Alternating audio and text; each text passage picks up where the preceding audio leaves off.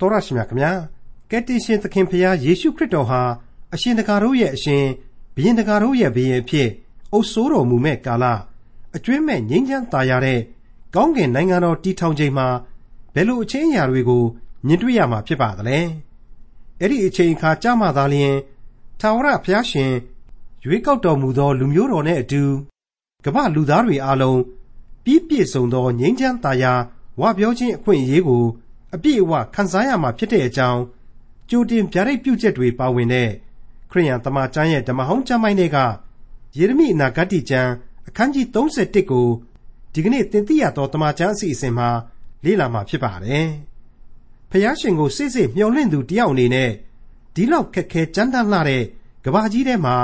လူဘဝဟာအင်မတန်မှ နေပြော်တယ်ရဲ့လို့ရှုမြင်မှာဖြစ်တဲ့အကြောင်းယေရမိအနာဂတ်ကျမ်းအခန်းကြီး31ကို ဒေါက်တာထွန်းမြတ်အေးကအခုလိုသုံးသပ်တင်ပြထားပါတယ်။သောတာရှင်မိတ်ဆွေအပေါင်းတို့ခမညာယေရမိအနာဂတ်ကျမ်းအခန်းကြီး30ကနေပြီးတော့39ဟာဖြင့်လူမျိုးတော်ဝင်မျိုးနွယ်စုအားလုံးအတွက်ပုံမကျေပြန့်သွားသောအနာဂတ်များအဖြစ်တွေ့ရလိမ့်မယ်ဆိုပြီးတော့အုပ်စုကြီးတစုအဖြစ်ကျွန်တော်တင်ပြပေးခဲ့ပြီးပြီဖြစ်ပါတယ်။ကျမ်းအစုအဝေးကြီးတစ်ခုအဖြစ်ကျွန်တော်ပြီးခဲ့တဲ့သင်ခန်းစာမှာမိတ်ဆက်ပေးခဲ့ပြီးပြီဖြစ်ပါတယ်။ကျွန်တော်တို့ဒီကနေ့ဆက်လက်ပြီးလေ့လာရမယ်အခန်းကြီး31ဟာဖြင့် အဲ့ဒီအုပ်စုထဲမှာမှထူးခြားသောလင်္ကာရသနဲ့ဆက်ဆိုတဲ့ကျမ်းလို့ဓမ္မပညာရှင်များကသဘောတူကြပါတယ်ဖော်ပြလာကြပါတယ်သူကြီးပဲမဟုတ်ပါဘူးအခန်းကြီး30လည်းပါဝင်ပါတယ် အခန်းကြီး30ကနေ33အထိအခုယေရမိအပါအဝင်အနာဂတ်ကျမ်း၄ပုဒ်တို့ဟာလင်္ကာရသနဲ့ဆက်ဆိုတဲ့အပိုင်ကြီးဖြစ်တယ်အဲ့ဒီအထက်ကမှအခုအခန်းကြီး31ဟာဖြင့်ဆွဲဆောင်မှုအလွန်ရှိတဲ့ထူးခြားသောအထုံးအဖွဲ့နဲ့ဆက်ဆိုသောကြံကြီးဖြစ်တယ်လို့သူတေတီတွေကဖော်ပြလာကြပါလေမိတ်ဆွေအပေါင်းတို့အခုယေရမိဒီလင်္ကာယသနဲ့ဆက်ဆိုနေတဲ့အနာဂတ်အချိန်ကာလမှာဆိုရင် ယုဒဟာနောက်ဆုံးမင်းဆက်မင်းဆိုးမင်းညစ်ဇေဒကိဘုရင်ရဲ့လက်ထက်အခါသမယဖြစ်ပါတယ်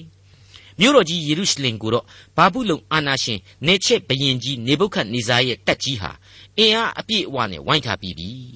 စစ်တမ်းတွေဟာတဒုံဒုံပေးနေတဲ့အတွက်ကြောင့်ယူရတနိုင်ငံလုံးနဲ့သွေးပြက်ခြောက်ခြားနေကြပြီလို့ကျွန်တော်ဆိုချင်ပါတယ်အဲ့ဒီလိုနေပုတ်ခတ်နေဇာရဲ့တက်တော်ကခရာတွတ်တန်ကြီးတစ်ချက်စုကနေစုကနေထွက်ပေါ်လာတိုင်းယေရမိမှန်သလားမှားသလား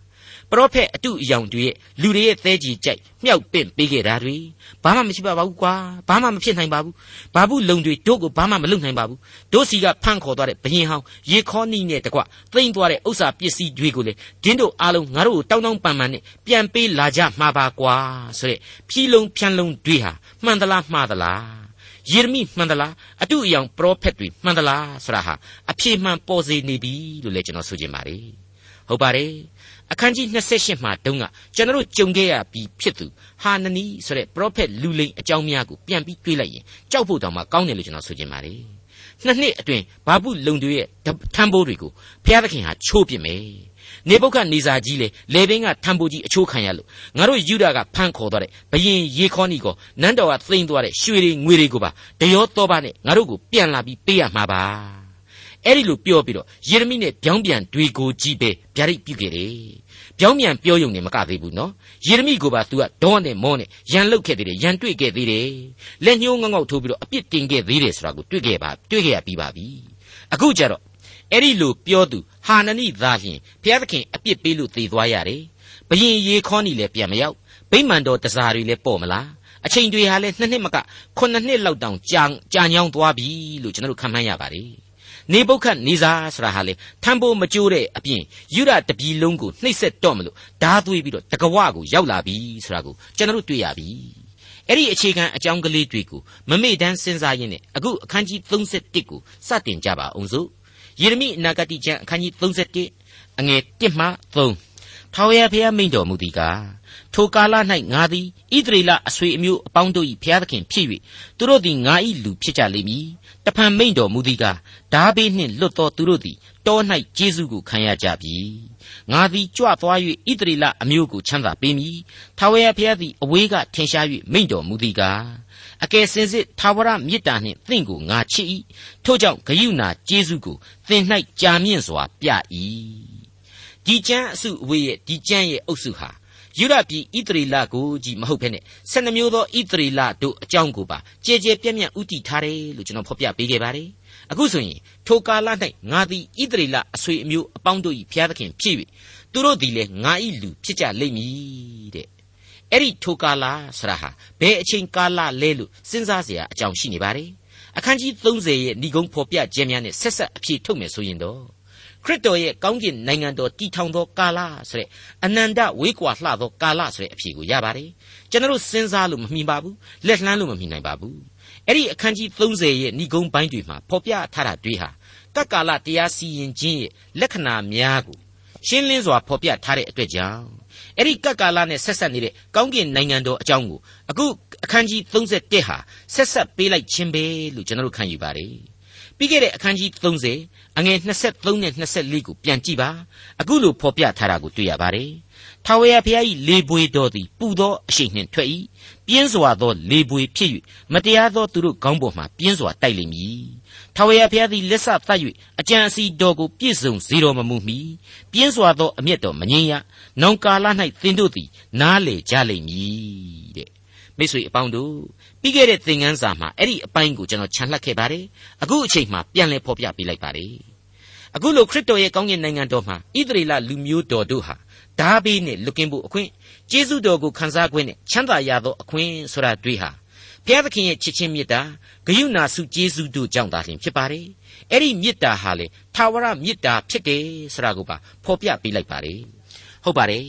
အခုကျွန်တော်တို့ကြားနာခဲ့ရတဲ့ယေရမိအနာဂတ်ကျမ်းအခန်းကြီး31ရဲ့အငယ်3မှာရှင်းနေအောင်ဖော်ပြထားပါတယ်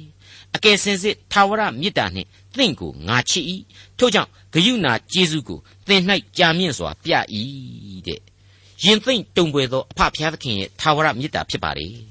ယေရမိနဂတိကျမ်းအခန်းကြီး31အငယ်၄မှ9 အိုဣသရေလသူတို့သမီးကညာ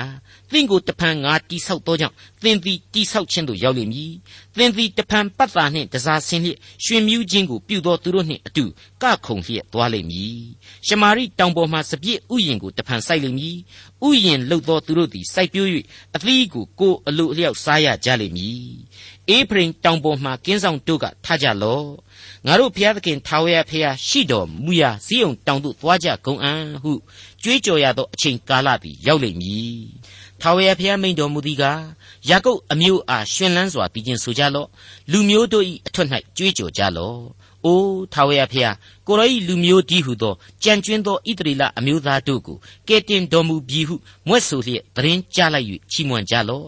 သူတို့ကိုမြောက်ပြည်မှငါဆောင်ခဲ့၍မြေကြီးစွန်းမှစုသိမ့်မည်မျက်စိကန်းတော်သူခြေဆွန့်တော်သူ ကိုဝန်ဆောင်သောမိမသားဖွာခြင်းဝေဒနာကိုခံရသောမိမများလေပါလျက်ကြီးစွာသောအစည်းအဝေးတို့သည် ပြန်လာကြလိမ့်မည်ငိုကြွေးလျက်လာကြလိမ့်မည်ဆုတောင်းပတနာပြုလျက်ရှိသောထိုသူတို့ကိုငါပို့ဆောင်မည်မြင့်နားမှလျှောက်သောလမ်းထိမိ၍မလဲရသောလမ်းဖြောင့်တို့၌ငါသွေးဆောင်မည်အကြောင်းမူကားငါသည်ဣသရေလအမျိုး၏အဖဖြစ်၏အေဖရိမ်အမျိုးသည်ငါ၏သားဦးဖြစ်၏ဣသရေလတို့ရေ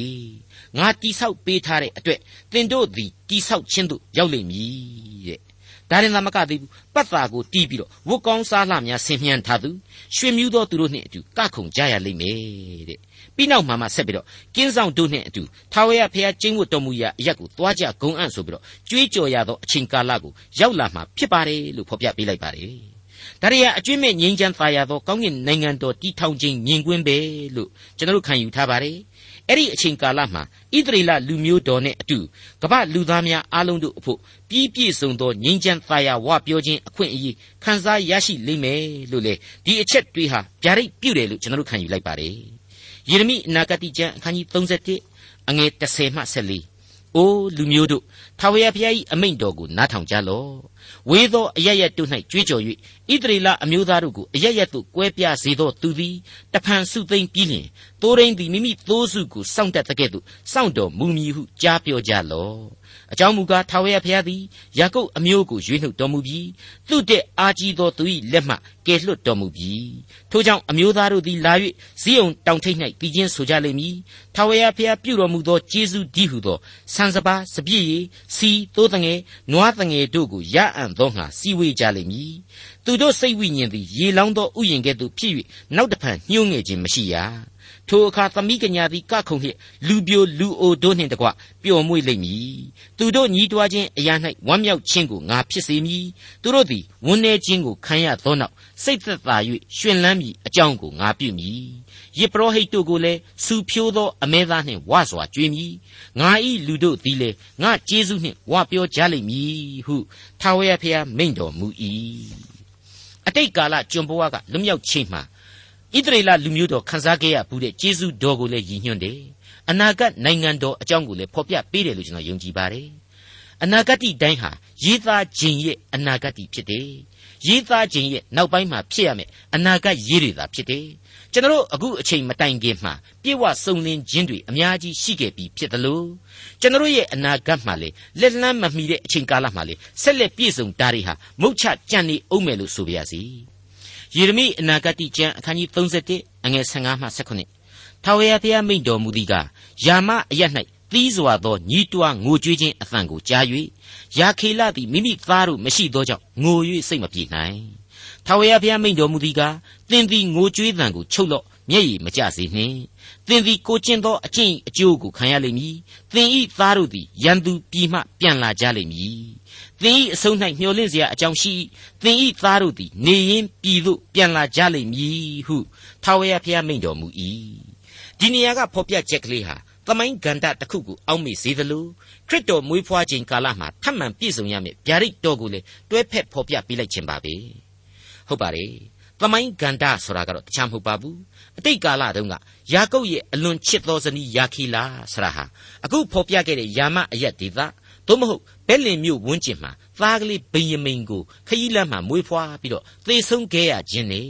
အဲ့ဒီအယက်ဒေသမှာပဲမြုပ်နှံခံခဲ့ရခြင်းအကြောင်းများပဲဖြစ်ပါလေဒါကိုကပ္ပဦးကျမ်းအခန်းကြီး35အငယ်16ကနေ17အတွင်းမှာကျွန်တော်တို့အခုလိုပြန်လှန်လေ့လာနိုင်ပါတယ်ထို့နောက်ဘေသလအရမှခရီးသွားပြန်၍အေဖရတ်မြို့နှင့်နီးသောအခါယာခေလသည်သားဖွားအံ့သောအချိန်သို့ရောက်၍ပြင်းစွာသောဝေဒနာကိုခံရ၏ ထို့သောပြင်းစွာခံနေရစဉ်တွင်ဝန်းဆွဲကမစိုးရိမ်နှင့်သားယောက်ျားကိုရပြီဟုဆိုလေ၏ယာခေလသည်သေအံ့ဆဲဆဲရှိ၍နံဝိညာဉ်ထွက်စဉ်အခါထိုသားကိုဘေနောနီအမည်ဖြင့်မှဲ့လေ၏အဖမူကားဗိယမိန်အမည်ဖြင့်မှဲ့သည်ယာခေလသေ၍ဘက်လင်အမည်ရှိသောအေဖရတ်မြို့သို့တွားသောလမ်းခရီးတွင်သင်္ကြူခြင်းကိုခံလေ၏ယာကုပ်လည်းသင်္ချိုင်းအပေါ်မှာမှတ်တိုင်ကိုစိုက်လေ၏ထိုမှတ်တိုင်ကယနေ့တိုင်အောင်ယာခေလ၏ သင်္ချိုင်းမှတ်တိုင်ဖြစ်သည်တဲ့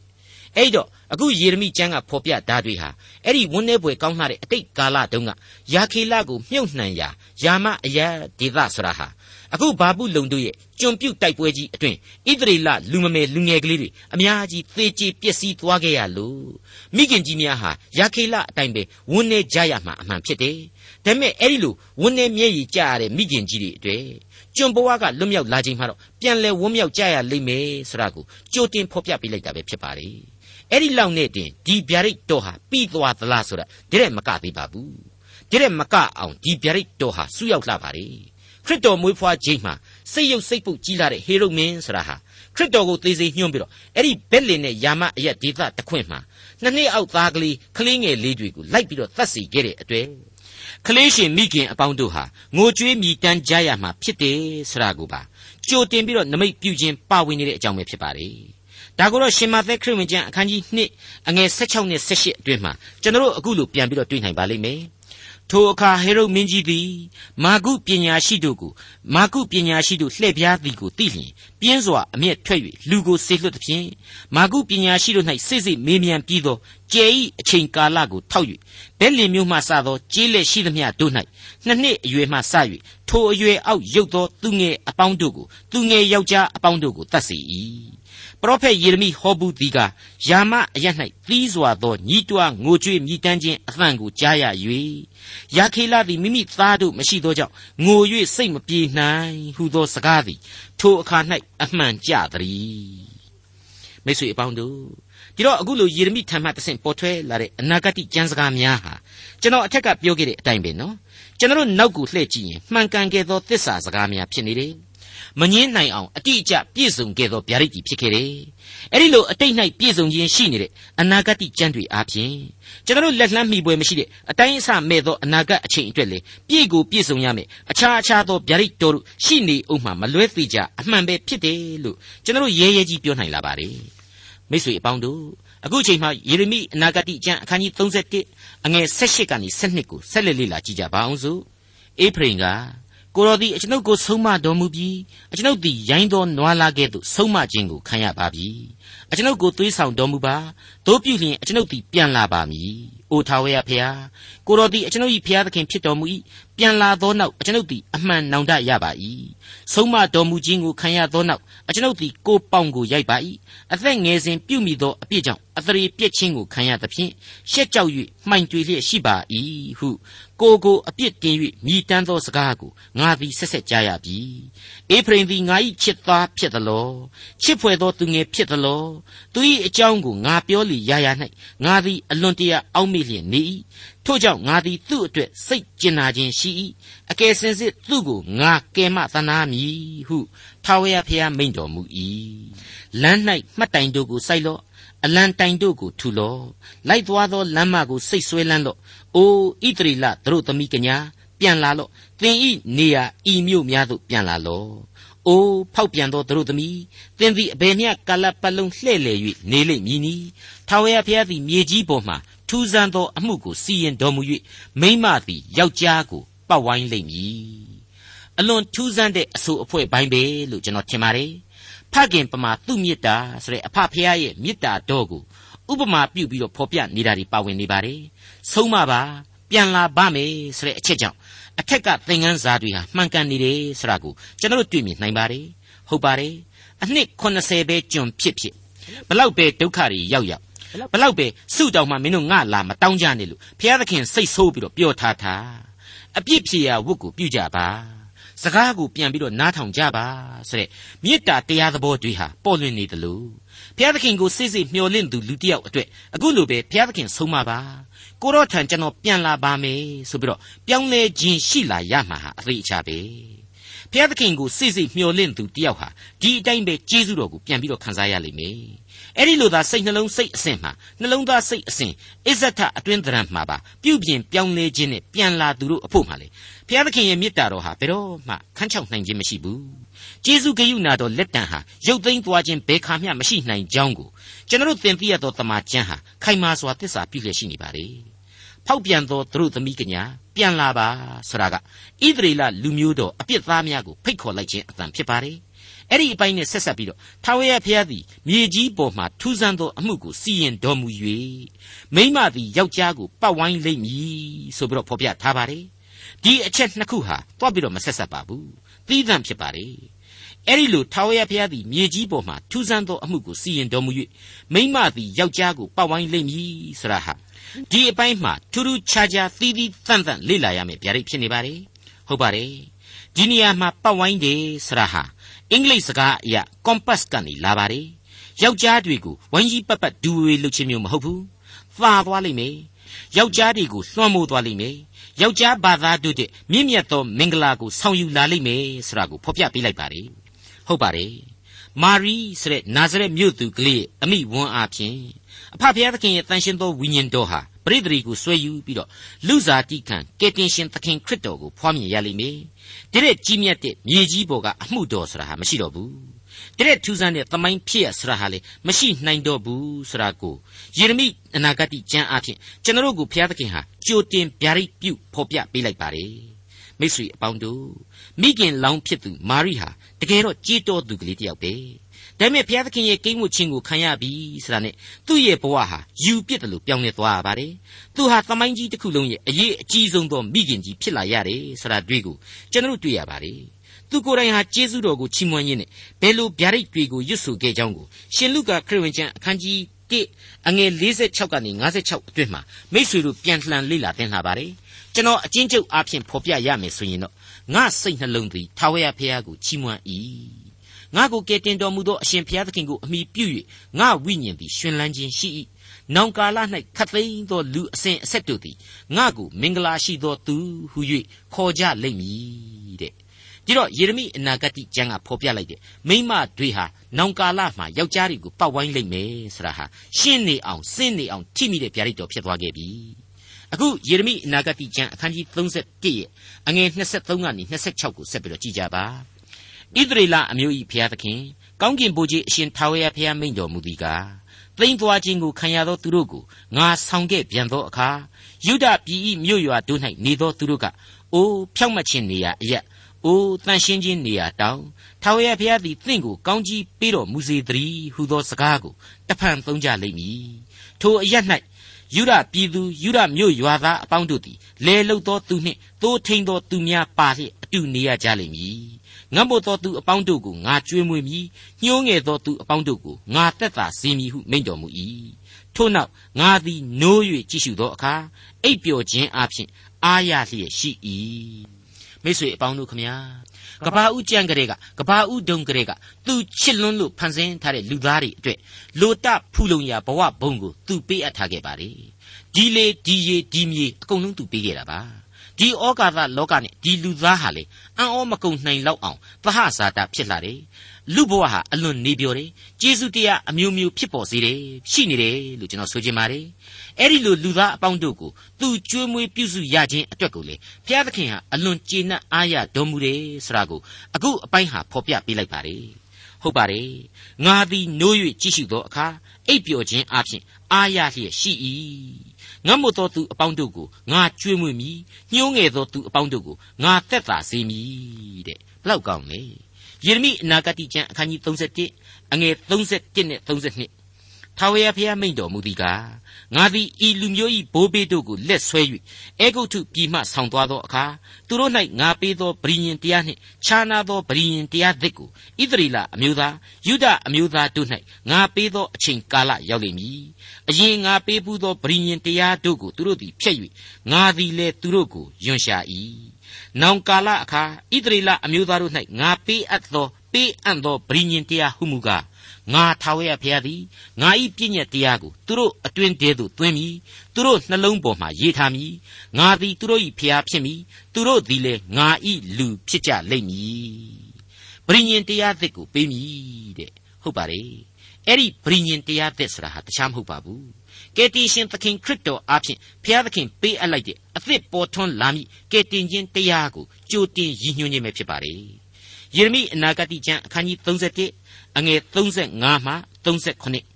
နေ့အချိန်၌လင်းเสียဖို့နေကိုခံထား၍ညအချိန်၌လင်းเสียဖို့လနှင့်ကျေတို့ကိုစီရင်တော်မူထသောသမုတ်တရားကိုဆုံးမ၍လှိုင်းတဘိုးကိုဟုံးစေတော်မူထသောကောင်းကင်ဘုရားအရှင်ထာဝရဘုရားဟုသောဘွဲ့နာမရှိတော်မူသောထာဝရဘုရားမိန့်တော်မူသည်ကားထိုတရားတို့သည်ငါရှိမှကွယ်ပြောက်လျင်ဣသရေလအမျိုးသည်ငါရှိမှအမျိုးတိမ်မြုပ်၍အစဉ်ကွယ်ပြောက်လိမ့်မည်ဟုမိန့်တော်မူ၏ တဖန်ထာဝရဘုရားမိန့်တော်မူသည်ကအထက်မိုးကောင်းကင်ကိုတိုင်းထွာနိုင်လျင်၎င်းမြေကြီးအောက်ဆုံးအမြစ်တို့ကိုလိုက်၍စစ်နိုင်လျင်၎င်းဣသရေလအမျိုးသားအပေါင်းတို့ကိုသူတို့ပြုမိသမျှသောအပြစ်တို့ကြောင့်ငါစွန့်ပစ်မည်ဟုမိန့်တော်မူ၏ရှင်းရှင်းပြောရရင်တော့ဘယ်သောအခါမျှငါမစွန့်ပစ်နိုင်ဘူးဆိုတဲ့အဓိပ္ပာယ်ပါပဲမိတ်ဆွေအပေါင်းတို့ခမညာသူချထားပေးတဲ့ပရိညင်တရားတော်အဟောင်း ပရိညင်တရားတော်အသစ်တို့ဟာဖြင့်ကျွန်တော်အဖို့ခက်ခဲတယ်နားလေဖို့မလွယ်နိုင်ဘူးလို့များကျွန်တော်ကထင်ကြမယ်ဆိုရင်ကိစ္စအရှင်းမရှိပါဘူးကိုယ်နှလုံးခုန်သံကိုသာနားဆွင့်ထောင်းပြီးတော့ကြည်ရင်နဲ့သူဖန်ဆင်းထားတဲ့ဩကာသလောကကိုစိတ်စိတ်မျှော်ကြည့်ရင်ခွန်အားကိုယူကြပါပြီးတော့မှဒါဝိမင်းကြီးနဲ့အတူသူ့ရဲ့16ခုမြောက်သောဆာလံတေးကိုသူနဲ့အတူလိုက်ပြီးတော့ကျေးဇူးတော်ကိုချီးမွမ်းကြပါဝိညာဏစွန့်ပကားကိုရယူကြပါလို့ကျွန်တော်လေးစားစွာတင်ပြပါရစေ။ ထာဝရဘုရား၏တရားတော်သည်စုံလင်သည်ဖြစ်၍စိတ်ဝိညာဉ်ကိုပြုပြင်တတ်၏။ထာဝရဘုရား၏သက်သေခံတော်မူချက်တို့သည်ဟုတ်မှန်သည်ဖြစ်၍မလိမ္မာသောသူတို့ကိုလိမ္မာစေတတ်၏။ထာဝရဘုရား၏ဤဥပရိသတို့သည်ဖြောက်မှတ်သည်ဖြစ်၍စိတ်နှလုံးကိုရှင်လန်းစေတတ်၏။ထာဝရဘုရား၏ပြည့်ညတ်တော်သည်စင်ကြယ်သည်ဖြစ်၍မျက်စိကိုရှင်းလင်းစေတတ်၏ ထာဝရဘုရားကိုကြောက်ရွံ့ခြင်းသဘောသည်တန့်ရှင်းသည်ဖြစ်၍ကာလအစဉ်အမြဲတည်၏ထာဝရဘုရား၏စီရင်တော်မူချက်တို့သည်သစ္စာတရားနှင့်ညီ၍တညီတညွတ်တီဖြောင့်မတ်ကြ၏ရွှေတက်မကများစွာသောရွှေစင်တဲ့နှစ်သက်ဖွယ်ဖြစ်၍ပြားရည်တက်မကပြားလက်ဖို့တဲ့ချိုကြ၏တရားတော်အဖျင်ကိုတော်၏ကျွန်သည်တရိယာ၍တရားဆောင်ခြင်းအကျိုးသည်ကြီးလှပါ၏ဒေါက်တာထွန်းမြတ်၏စီစဉ်တင်ဆက်တဲ့တင်ပြတော်တမချန်းအစီအစဉ်ဖြစ်ပါတယ်